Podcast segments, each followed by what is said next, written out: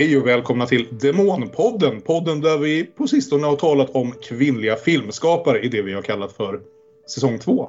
Och nu är vi här vid slutet av denna säsong 2. Och istället för att prata om två filmer sådär som vi brukar så är vi här ikväll för att knyta ihop säcken och se lite vad vi tar med oss av alla de här filmerna som vi har sett under det senaste, de senaste 18 månaderna. Jag heter Kalle Färm och med mig som alltid har jag Björn Waller. Hej! Olof Ekström. Hej! Och Aron Eriksson. Hallå! Och jag är som säkert hörs påverkad, inte av covid tack och lov, men av alla de här förkylningarna som har sprungit upp nu när alla har börjat springa runt och träffa varandra igen. Så jag kanske försöker prata lite mindre än vanligt. Vi får se hur det går. Det brukar jag säga ganska ofta. Ja, idén här ikväll är väl egentligen att bara titta tillbaka på de här 18 månaderna och 31 avsnitten, vilket betyder 62 filmer som vi har sett av kvinnliga filmskapare. Jag ljuger! 30 avsnitt, för vi räknade faktiskt den här årsbästa listan som ett av de avsnitten. Så 30 avsnitt med fokus på kvinnliga filmskapare och 60 filmer. Men det är ju ganska, ganska ordentligt ändå, får man lov att säga. Många timmars babbel har det blivit. Eh, kul har det varit, eh, pandemier och sånt till trots. Snarare har det varit en riktig liksom, eh, livräddare under den här pa pandemiperioden kan jag känna. Att ha det här att liksom luta sig mot. Björn, du kände, det kändes som att du hade både ett och annat som du ville säga där. Så vill du ta ton för det här avsnittet till att börja med och eh, starta oss med något som du har tänkt på nu när du blickar tillbaka över den här säsongen? Ja, nej men jag tänkte väl mest att vad, va, vad säger ni? Det känns som att vi hamnade rätt, rätt i tiden så att säga. Den här säsongen rasade in lagom till att vi fick liksom kvinnor började vinna bästa film på Oscars och det började komma väldigt mycket liksom och inte för att liksom säga att vi kom lagom till att allting blev 50-50 i filmbranschen, långt ifrån. Men det kändes ändå som att vi träffade en våg här. Liksom. Att det har börjat bli mer och mer att det kommer fler och fler filmer nu som inte är wow, det här är en kvinna som har regisserat. Nej. Utan det, är liksom, det känns som att det, det är inte en stor grej på samma sätt längre. Nej, alltså när vi sammanfattade filmåret 2020 där med vår 20 topplista så blev ju 10 av de filmerna vi valde filmer regisserade av kvinnor och det var på inte på något sätt någon slags kvoteringstanke bakom det utan det var helt enkelt så att bra exakt hälften av de bästa filmerna var regisserade av kvinnor förra året. Vilket inte kanske alltid har, faktiskt har varit fallet just därför att eh, åren tidigare just därför att kvinnor inte alltid har fått lika många möjligheter kanske att, att få den budgeten och de möjligheterna att göra så pass starkt arbete inom filmbranschen. Så nej, det känns som att någonting håller på att förändras äntligen. Ja, det, det är liksom det här som man snackar om ibland, en kritisk massa. Att när någonting börjar bli lite självgående. Återigen, det finns säkert finns väldigt många som behöver jobba väldigt mycket hårdare än vad de borde behöva göra. Eh, säger jag som precis till exempel har sett James Wans senaste film och det finns verkligen vissa människor som absolut inte borde få lika, mycket, lika många chanser som en del andra får. Nej men det var väl det jag tänkte på och sen framförallt hur jävla kul det har varit att vi ändå liksom har grävt lite grann i arkiven och hittat saker som inte kommer från de senaste tio åren. Jag tänker på det här fantastiska stumfilmsavsnittet som nog är mitt favoritavsnitt för den här säsongen. Nu ska mm. sitta här och säga att vi är fantastiska, men vi är ju det. Eh, både att jag kunde göra den här intervjun med Shelley Stamp men också att vi liksom fick en bra diskussion utifrån de här tre filmerna som är hundra år gamla. Mm. Ja, nej, det var, det var verkligen det var en riktig favorit för mig också måste jag säga. Stumfilmsavsnittet var ju också intressant på så sätt att eh, en hel del kvinnor som var rätt så stora och var med och formade filmen väldigt mycket på sådär 10-20-talet och sen var det verkligen inte så i väldigt många decennier och vi fick, man får leta ganska mycket för, för att hitta intressanta filmer av kvinnliga regissörer från 50-talet till exempel som vi också pratade en del om. Eh, att eh, i så fall har det väl svängt tillbaka lite nu igen då 100 år senare. Det var väl, vilket kanske var på tiden i så fall. Ja, det var ju något intressant i den där Shelley Stamp-intervjun som Björn så utmärkt gjorde nu när vi sitter här och gratulerar oss själva. Den teori som hon eh, la fram varför kvinnorna försvann var för att filmbranschen blev en bransch, en affärsbransch och då då var det den manliga dominansen som var i pengamiljöerna som, som körde bort kvinnorna. Det var ju aldrig någonting konstnärligt, om, eh, om någon hade misstänkt det, som motiverade det. Även, där var ju inte alla inblandade, men det här kortfilmsavsnittet som jag och Aron gjorde, där vi också eh, gjorde en intervju med Nelly Killian och sen diskuterade verkligen liksom annorlunda. Det är, ju, det är ju någonstans kortfilmernas charm att i och med att de inte behöver lyckas finansiellt i någon bemärkelse på samma sätt så är de mer direkta bilder av vad regissören har föreställt sig i många fall och det var ju otroligt speciella kortfilmer som sa väldigt mycket om liksom ett kvinnligt perspektiv på, på filmhistorien och historien och som dessutom var, var gjorda en bra bit längre bak i, i tiden, framförallt under 60 och 70-talen de vi tittade på. Eh, så det var, det var ett riktigt favoritavsnitt för mig också. Jag började fundera på det här kvinnliga regissörer, vad är skillnaden? De filmer där jag egentligen känt tydligast kvinnlig signatur är just dokumentärfilmer, tänker jag då. Mm. Som de korta där. Och eh, Shakedown. Precis. Som ju inte bara var kvinnlig utan en väldigt specifik eh, subkultur. Som inte var den, den allmänna blicken som är den manliga blicken. Men jag kan också säga, jag lyssnade för att förbereda mig för det här avsnittet på avsnitt 2.00. Oj! den kvarten vi hade som introduktion inför eh, säsongen. Hur har det egentligen gått med våra mål? ja, och vad, hur var målen där då? Ja, jag hade glömt att jag hade ett rent siffermål. Mm. Jag hade konstaterat med hjälp av lite listor att 4,4 procent av de filmer jag hade sett upp till då var regisserade av kvinnor. Och jag sa att jag såg fram emot att höja denna siffra till 6,5 procent.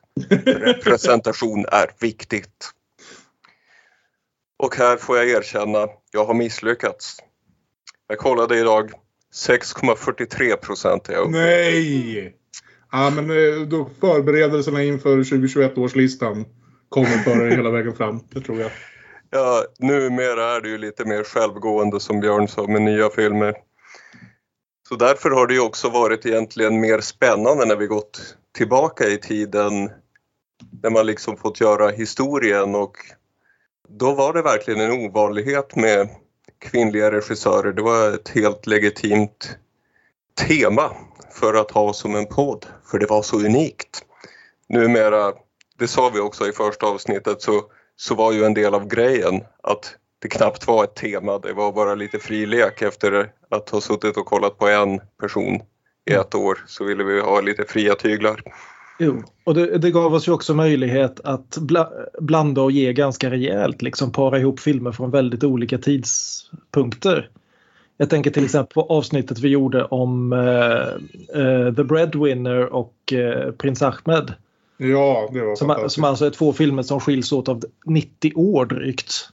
Ja, och sen ett experiment som vi gjorde tidigare som aldrig riktigt kom tillbaka till även fast jag tror nämligen att bara ta två vilt olika filmer och försöka hitta någon gemensam nämnare när vi tittade på, på eh, Det är aldrig för sent och Jupiter Ascending. det tyckte jag var bland det roligaste jag hade. Ja, det är sant. Det var inget riktigt tema där nu. Nej, det var, det, det var ju medvetet baklänges tema. Det, det tyckte jag. Ja. Och vi kan väl också säga att för er som lyssnade på avsnitt 2.00 blev ni utlovade att det skulle bli någon slags topplista på slutet.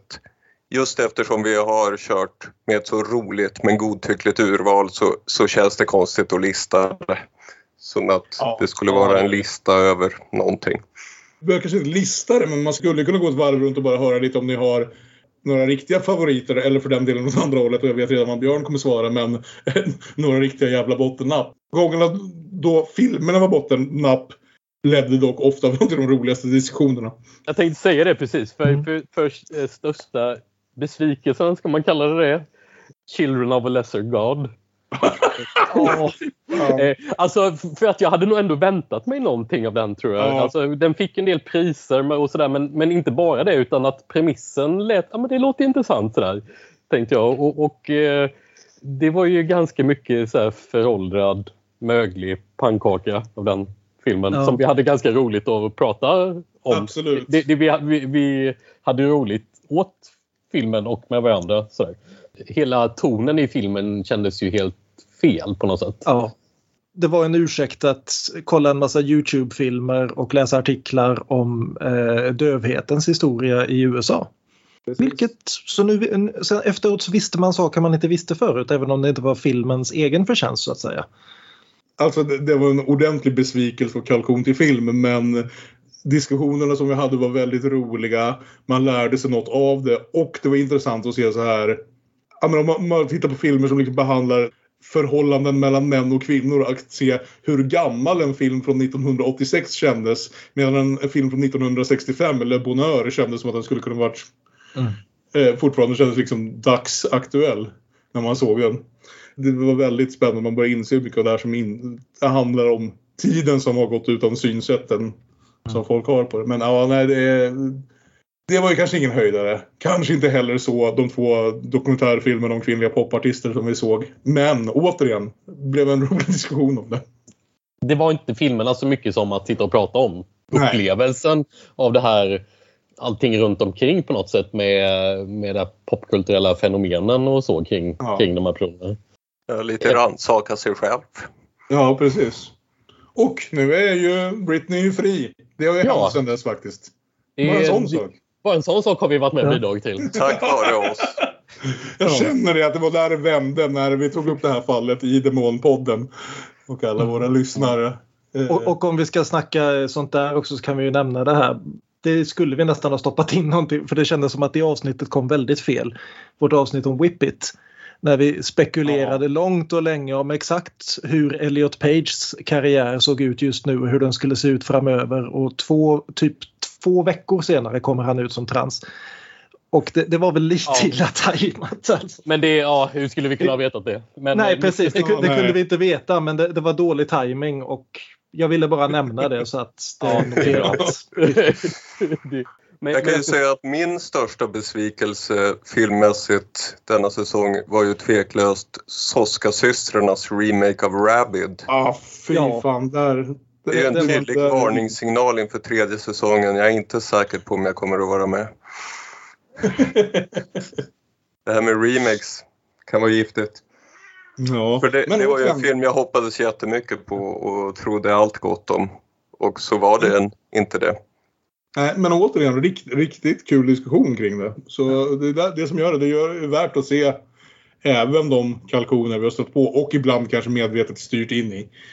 Men, men sen också Eh. sådana här saker som att det här gav en en ursäkt att gräva ner sig lite djupare i vissa regissörer. Mm. Nu fick jag en ursäkt att se allting av Celine Sciamma och även allting av Kelly Reich, nästan allting av Kelly Reichardt och några till. Sådana här som man har tänkt väldigt länge att ja men det, hon verkar ju bra alltså. Det borde jag se någon gång. Mm. Så nu Ja, näst, nästa projekt är ju stora Lina Wertmüller om titeln alltså. Ja, just det. Efter vårt sista avsnitt här igen med Seven Seven, Beauties. Seven Beauties är en sån där film som verkligen har stannat kvar hos mig. Mm. Ja, den är också på min topp fem lista över filmer vi har sett. Jag hade skrivit upp tre men så nämnde Kalle Le Bonheur och kom, jag kom på att det är åtminstone fyra i toppen. Ja, precis. Ja, nej, det har varit några riktiga höjdare. Just Le Bonheur hade ju jag sett förut, men typ som sagt en av de främsta orsakerna till att jag var så på att vilja dra igång säsong två med det här temat var att jag skulle få någon annan att se den. Så bara på den, den synvinkeln så känner jag att det här var en fullkomlig succé.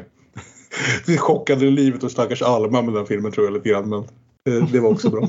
Mm. Chockade livet och stackars mig. Vem tänker på mig? Apropå vem tänker på mig? En annan av mina favoriter, Promising Young Woman. Ja, herregud. Kanske inte alltid handlar om mig. Det var Nej. en väldigt bra diskussion där. Jag är fortfarande inte övertygad av filmen men Jag Lite kan- som med Seven Beauties så var vi väl överens om att den inte var felfri. Huruvida felen störde filmen. Björn var lite mer störd av Promising Young Woman. Kalle var lite störd av Seven Beauties. Jag bara Ja, delvis. båda. ja, och ja, som vi redan har refererat till några gånger, vi tänker ju göra en avslutande avsnitt det här året där vi listar år 2021 års bästa filmer och Promising Young Woman är ju eh, giltig för den listan så chansen finns för det att vi kanske får läge att diskutera den ytterligare en gång. En annan film som är giltig för den listan är Titan. Som Just. Helt knockade mig nu nyligen och eh, Julia Ducournys eh, tidigare film Raw var en annan av favoriterna av de vi sett och pratat Är om. det, är, det, är det den mesta vad ska vi säga, kvalitetsskillnaden mellan film 1 och film 2? in? Alltså där en film verkligen är löjligt överlägsen den andra filmen vi pratar om. Bland- Ja, det alltså måste det ju vara eftersom det är toppen mot botten. Ja, det andra skulle väl vara Children of a Lesser God mot pianot. Som ju Ja. också är en riktig toppen mot botten. I, i Arons fall så inbillar jag mig att Outside In trumfade betongnät rätt rejält. Just det! Just Fast det. Outside In, Outside In var kanske ändå inte en av de absoluta toppfilmerna även i Arons. Nej, den var bra synvinkel. men, eh, men det var ju inte topp. Och Betongnat var ju där nere med Rabid. Det var det. Nej, men eh, så är det ju vissa av de här kanske mer ska man säga, alltså klassiska regissörerna, de som har hållit på ett tag som det här liksom väckte lite, ytterligare lite nytt intresse för att se om Le Bonheur påminner mig om att det finns en gigantisk Bergman-style Agnes Varda-box där ute som Criterion har släppt och som jag inte har kostat på mig än men blev väldigt sugen att göra det med för jag har faktiskt bara sett tror jag tre eller fyra Agnes Varda allt som allt. Samma sak med Claire Denis där jag ju var medveten om hennes senaste och mest kända filmer men just Chocolat som jag också var en väldigt intressant film eh, är förmodligen en sån som jag hade riskerat att missa helt och hållet om det inte varit att vi tog upp den just här. Och det fick dig, blev- gjorde dig sugen på att se eh, en massa andra filmer med chokladtema kanske? Ja. Framförallt naturligtvis regisserad av Lasse Hallström men även Framförallt Lasse Hallström, ja. Han är svensk. ja. Inte lika svensk som Colin Nutley. Ingen är lika svensk som Colin Nutley. Men apropå svenska filmer, vi hann med Alltså Nattlek, det var ju en höjdare och tillbaka Jörgen igen. Och Nattlek var ju också en riktig jävla resa alltså. Nu när jag tänker tillbaka på den. Jag kopplar samman den lite i min hjärna med den, vad heter det, upplevelsen som jag hade när jag såg Tystnaden också med en film med, med Jörgen. Under, under Bergman-året där, att de två filmerna trodde jag nog båda två skulle vara bra men båda två lite liksom klev över vad jag hade väntat mig. Och Nattlek har- också stannat med mig. Mer än vad eh, Liv Ullman i Ung Flukt har gjort. Ja, Ung Flukt var väl inte heller någon av höjdarna den här säsongen direkt. Det, det var var- intressant att var- var se, som- se en film noir från en norsk fäbod men ja. Jag tror att jag tyckte det bästa avsnittet som var häftigast att spela in var Rape and Revenge-avsnittet. eh. För mig. Det var, det var två höjda filmer. Som, det blev en ganska komplicerad di- diskussion och eh, som var både spännande och rolig och, och att eh, som sitta och vrida och vända på, liksom peta lite på de här bristerna i, i Promising Young Woman och sådär. Det är också kul de gångerna vi faktiskt inte riktigt håller med varandra men ändå lyckas hålla diskussionen på sådant plan. Vi har, vi har i alla fall inte varit liksom så hetsiga kring det att vi har blivit direkt osams, vilket jag är ganska glad över. Eh, det har varit lite pinsamt. Eh, enda gången vi varit nära att bli direkt osams var väl under, under 2020-årslistan. ja, det, är, det är möjligt. Ja, men det var ju så roligt. men, men nej, just med Promising Young Woman kände jag att det var viktigt att liksom stanna upp lite grann. Det blev, jag vet inte om det blev det allra längsta avsnittet vi gjorde den här säsongen, men jag tror det. Om man tar 2020-årslistan. Och det kändes som att den filmen nästan krävde det. Att den, man var tvungen att stanna upp där lite grann och vända på lite stenar för att se just, ja men dels varför den fungerar så pass bra för mig och Aron och samtidigt varför den inte gör det för Björn och inse att någonstans att, att en film som helt enkelt slår väldigt olika beroende på hur mycket man liksom använder, hur, hur- mycket man koncentrerar på olika faktorer i den. Jag tyckte inte om den filmen mindre efter den diskussionen men jag hade en större förståelse för liksom ett annat sätt att tolka den. Om vi inte tittar på filmernas kvalitet utan faktiskt på vår kvalitet som poddare och diskuterare av filmer att, att Rape and Revenge-avsnittet blev, blev den bästa diskussionen helt enkelt. Ja, det var lite det jag tänkte. Just från det perspektivet. Jag tänkte så här, nu fick vi ju med 60 filmer den här säsongen Mm. och någonstans måste man ju sätta gränsen. Var det några regissörer ni hade hoppats att vi skulle hinna fram till som ni saknar i den här listan? Åh, Den första vi sa var ju Susanne Bier. Just det. Och det är ju konstigt att vi hade ju massor av olika alternativ där hon skulle vara med men det blev visst inte så. Ja, det finns väl, fler, det finns väl flera bra danska regissörer i och för sig. Det finns i alla fall ett helt gäng kvinnliga danska regissörer. Man, vi hade kunnat få med någon av dem. Ja. Vi missade lite, vad heter det, den, den östasiatiska delen av världen. Eh, vi kom ja. dit med, vad heter det? Farewell. Farewell. Ja, The Farewell. Eh, även om det liksom är en film någonstans ur ett, ur ett amerikanskt perspektiv. Så vi mm. fick ju faktiskt aldrig in några... Vi fick, fick in två filmer av kinesiska regissörer som nu för tiden verkar i USA. Eh, men inga liksom producerade i Kina. Vi fick inte in några indiska, vi fick inte in några japanska. Så jag känner att det är liksom en, ett område av ja. världen där som vi missade medan vi annars var ganska duktiga på att inte mycket östeuropeiskt heller. Jag hade velat få in Vera Skyttilova någonstans. Ja, det är den största. Alltså Daisys behöver jag diskutera uh. någon gång med någon. Det nästan vi får göra ett specialavsnitt om den. Sen, sen, saknar jag en regissör som jag har, tycker är väldigt intressant just i och med hur liksom brett hon jobbar inom en genre. Det är Karin Kusama.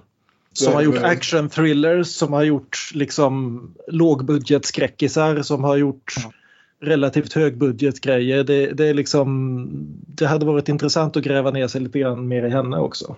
Men Björn, har hon gjort någon remake? Det har hon säkert någonstans. Ja, alltså, ja det behöver inte vara kört än. Eh, för det kan vi säga också att ett av typ de tre avsnitten som vi avslöjade det här avsnitt 2.00 var ju att vi skulle se båda de senaste versionerna av eh, Små kvinnor heter den inte. Unga kvinnor heter den på svenska. Och sen blev det aldrig av därför att pandemin slog och vår gäst ville vänta tills pandemin var över och pandemin tog och väntat länge. Men den kommer ju liksom platsa även i nästa säsong. Så det är inte kört än. Jag hörde Quentin Tarantino prata nyligen om en Hongkong-action, den enda Hongkong-actionfilmen regisserad av en kvinna på 70-talet. Mm. Och jag tänkte ju genast att oh, den måste vi se. Fan, säsongen ja. slut.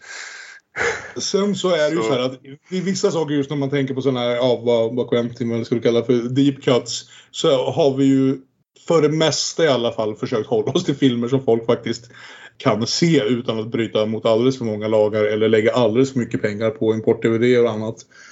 Så man har helst velat haft något som funnits liksom Ja, helst på streaming eller på Youtube. Eller, men i alla fall liksom släppts på svensk DVD. Eh, och vi har bara frångått det ett par gånger när vi blivit riktigt, riktigt sugna på någonting ändå. Vi får se hur, hur väl vi lyckas hålla oss till de principerna under, under säsong tre. Ibland tycker jag att det är värt att frångå dem om man har något riktigt intressant att prata om. Ja. Visst är det så. En programpunkt som lite försvann under säsongen var hur märks det att den här filmen är regisserad av en kvinna? Och jag Tyckte måste säga... sällan vi kom på någonting bra att säga. Nej, jag, jag kände väldigt... generellt att den var väldigt lite grann, åh, hur märker vi att det är en svart person som har regisserat den här filmen? vi tog vi väl upp det någon gång ibland när det kändes relevant att ja, så här hade nog inte en man gjort typ. Raven Revenge-avsnittet tyckte jag hängde lite på det någonstans. Ja. Det var mer i ögonblick som man kände att eh, som i Black Widow när lillsyrran äntligen får köpa några egna kläder. Vad köper hon? Det med mest fickor. Typisk tjejgrej. Apropå regissörer som jag aldrig kom fram till. Jag hade gärna sett något av Dorothy Arsner som ju på sätt och vis är den första kvinnliga Hollywood-regissören under, under ljuderan och som dessutom jobbade väldigt länge. Som jobbade åtminstone tror jag 10-15 år stadigt och gjorde liksom ett dussintal filmer och eh, Criterion har börjat släppa ett par av hennes nu i alla fall. Eh, sen vet jag inte hur bra de filmerna ska vara men just i, i det här att vara liksom väldigt tidigt en kvinna inom studiesystemet i någon bemärkelse hade det varit intressant att titta på det. Det närmaste vi kom det nu var väl med Aida Lupino och Bigamisten och det är ändå lite mer ändå ett steg till utanför liksom Hollywood-systemet någonstans. En ganska låg budget och... Egenproducerad till och med. Ja, precis det fanns mycket kvar att göra, det kan man ju säga. Vi hade kunnat fortsätta köra den här säsongen ett bra tag till onekligen. Men, men det känns också skönt att få göra lite nystart och det kanske om ingen har något särskilt mer som ni tänkte på att ta upp att eh, dags att börja prata lite om vad vi planerar framåt. Mm. För säsong tre som vi ju redan har nämnt några gånger här nu kommer handla om... Remake! Ja, eller den bredare formen av remake. Två filmer som på något sätt är en version av samma historia. Aron tycker att jag ofta går till exemplet Sherlock Holmes men det gör jag just därför att Sherlock Holmes har jag läst någonstans är den karaktär som oftast har filmats under typ de senaste hundra åren av filmhistorien. Det finns stumfilmer, det finns såklart alla de liksom klassiska 30 och 40-talsfilmerna och så hela vägen upp här nu till, ja vi kommer hålla oss till film så inte Benedict Cumberbatch men väl Robert Downey Jr. Och eh, det är bara ett sånt exempel liksom, utan alla varianter där, där man kan föreställa sig att ja, men det finns en version av den här historien från 40-talet och det finns en från 90-talet. Hur olika är de från varandra? Eller det finns en amerikansk Hollywoodfilm men det finns också en turkisk remake. Hur ser det ut om man förflyttar hela den historien till, till liksom andra sidan av världen? Allt sånt är ju ofta väldigt spännande och leder till ganska kul diskussion. Så... Och, och, och, även det här att det förflutna är ett fjärran land. Att det, mm. det är en viss skillnad mellan en Dracula-film filmad 1922 och en filmad 2019. Mm. Det, det, finns, världen förändrar sig och då, då gör berättelserna det också. Precis. Så vi kommer hålla liksom det här begreppet remakes eller nyinspelning eller så väldigt öppet. Det enda jag vill säga, kan säga att vi inte kommer göra är att vi kommer inte titta på två liksom en film och sen dess direkta uppföljare eller något dylikt med samma skådisar. Vi kommer inte titta på Alien och Alien så mycket än vill. Det, det blir lite för billigt, ja. Det blir lite för... De, de ska, möjligen, möjligen man skulle kunna titta på Alien och Prometheus och se vad fan som hände. Eh, Nej, veto. Ja, jo, precis. Jo, men principen menar jag. Principiellt. Eh, Evil Dead och Evil Dead 2. Remake. Skulle, skulle jag väl mer gå med på. Men som sagt, hela tanken Ma Matteus evangeliet och Life of Brian. Ja. det skulle väl i och för sig funka. Det, det, säger, man kan sitta så här, och vi har redan gjort det ganska mycket, suttit, sitta så här ungefär hur länge som helst och komma på olika varianter på i grunden samma historia eftersom vi vill hålla det ganska brett. Inte lägga för många liksom, regler och, och liksom, fotnötter på det där. Så tror jag att vi kan hitta ganska många olika roliga varianter på det. Och vi hoppas även dels bjuda tillbaka några av våra favoritgäster för allt det här men även hitta ett gäng nya gäster hoppas jag. Så det betyder ju också att innan den här säsong 3 drar igång och den kommer dra igång som vi redan också sagt någon gång tror jag med att vi tar en, oss en titt på den här HBOs nyinspelning av Scener ut äktenskap med Jessica Chastain och Oscar Isaac. Men det kommer inte hända förrän nästa år. Vi behöver ta lite paus här och leva våra liv och jobba våra jobb. Så nästa avsnitt efter det här kommer faktiskt först att komma nästa år när vi sammanfattar filmåret 2021 med ännu en sån där gigantisk lista som vi tävlar ut efter screendraft-systemet som vi brukar förklara i början på avsnitten. Det är inte vår grej att göra saker när de är lite för i ropet. Vi gjorde vår Bergman-säsong för att fira hans 101-årsdag. Så vi tänker vänta till att senare ut äktenskap-remaken är ute ur nyhetscyklarna. Precis när ni nästan har glömt bort den helt, vilket jag tror i och för sig typ händer imorgon. Tror jag att alla har glömt bort den. Då kommer vi plocka upp den igen och säga, men vad tyckte vi egentligen om det där? Jag tror det var lite roligare då också, när, för det har ändå varit en del diskussion om den i medierna som varit lite svår att undvika. Att hinna glömma den lite grann. Det jag tänker säga är att vi ska ta med fan hinna se någon, någon Bollywood under, under remake-säsongen i alla fall. Jag fick inte in det under Ja, men jätte, jättegärna. Det, det, tycker jag är, ja. det, Jag har inte sett jättemånga alls, men, men, men det är himla roligt. Och just ja. att det, det, finns många Bollywoodfilmer som, som ju är här, väldigt lösa eh, adaptioner på västerländska filmer eller böcker och sådär. Precis. Som, kan, som eh, vi skulle kunna leta fram. Ja, det tänker jag absolut på. Det. Eh, jaga upp något bra exempel på. Vilken var den här eh, Leone-filmen som Kurosawa stämde honom för? Och Leone blev så glad han har förstått precis vad jag var ute efter. En handfull dollar och Jojimbo. Det är så det är. Ja. men de ser vi. Eh, men allt, allt detta bygger på att vi inte blir alldeles osams med varandra under den här 2021-listan då. Så, ja, och jo, inte, det... inte vill prata med varandra mer. Nej, nej precis. Det är, det är väl grundförutsättningen. Vi kanske bara är tre eller två personer i den här podden när, när det väl är dags att starta upp säsongen. Vem vet? Förhoppningsvis inte. Vi brukar bli sams förr eller senare. Ja, nej, tack för att ni har varit med och lyssnat under och eh, tack perioden. Eh, Kalle. Tack. Ja. För eh, vi har alla kommit med förslag men det är ju Kalle som har gjort hästjobbet med att sätta ihop de här dubblarna och programmet och få oss att sätta oss ner och spela in någon gång. Så mm. tack till er alla men extra tack till Kalle. Vilken, ah. Vilket föredöme du är som människa. Herregud, det var, det var väl ingenting. Gud vad kul det är att få bestämma vilka filmer andra människor måste sätta sig och se. Det, det har jag mest njutit av, men tack så mycket. Eh, och tack till Björn och Aron framförallt för allt fantastiskt jobb med musiken, för där har inte jag så mycket mer att göra. Eh, helt enkelt på grund av brist på talang. Där, där kan vi nämna för er som inte har sett det så ligger de flesta av låtarna ligger nu på Arons Youtube-kanal. Just det. Ja, det stämmer. Sök på musik från Demonpodden. Mm. Och tack till Olof för att han har börjat komma ihåg att raka sig inför avsnitten så att det inte skrapar så jobbet. Ja, det är en viktig del av poddförberedelserna och eh, lätt att glömma. I avsnitt 2.00 när du skulle säga att vi skulle göra covers den här säsongen så sa du att vi skulle göra slagers. Sa du som en liten groda. Och för Oh, att fan. fylla det ska vi nu ge oss på slager. det är sant. Vi avslutar den här säsongen med en slager. Det blir alltså från 1950 kallt. Så kör vi Git Gays gamla favoritlåt Jag är så bekymrad för männen. För vem är inte det? Ha ett bra slut på 2021 nu när man kan vara ute och röra på sig lite grann ibland. Vi ska ju faktiskt allihopa få träffas här hoppas vi för första gången på nästan två år i ett och samma rum innan året är slut.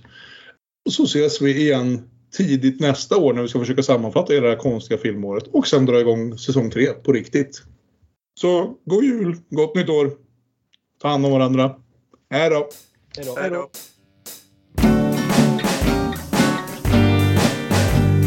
Jag är så bekymrad för männen Mest för männens egen skull För hur ska det gå lilla vännen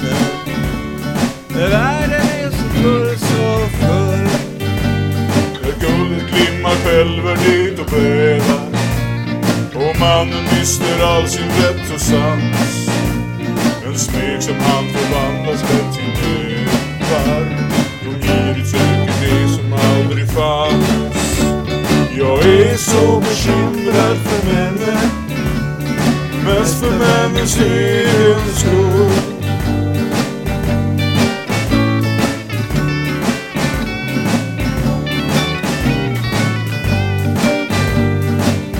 Ursäkta en enkel liten kvinna Som i denna man tid till Vågar yttra sig med det ska finna Motstånd i alltså för perfid Mannen visar också små tendenser på att gå ifrån sin förebild. Men jag tycker det bör finnas gränser förspel. Jag är så bekymrad för männen. Mest för männens egen skull. Hur ska det gå lilla vännen? Du saknar ju romantisk hull Man får ej vara prinsessan på ärten. När mannen leker öld nu för tiden Ett i kind eller en i stjärten det anser han nu vara melodi. Jag är så bekymrad för männen. Mest för männens egen skull. Jag är så bekymrad för männen. Mest för männens egen skull.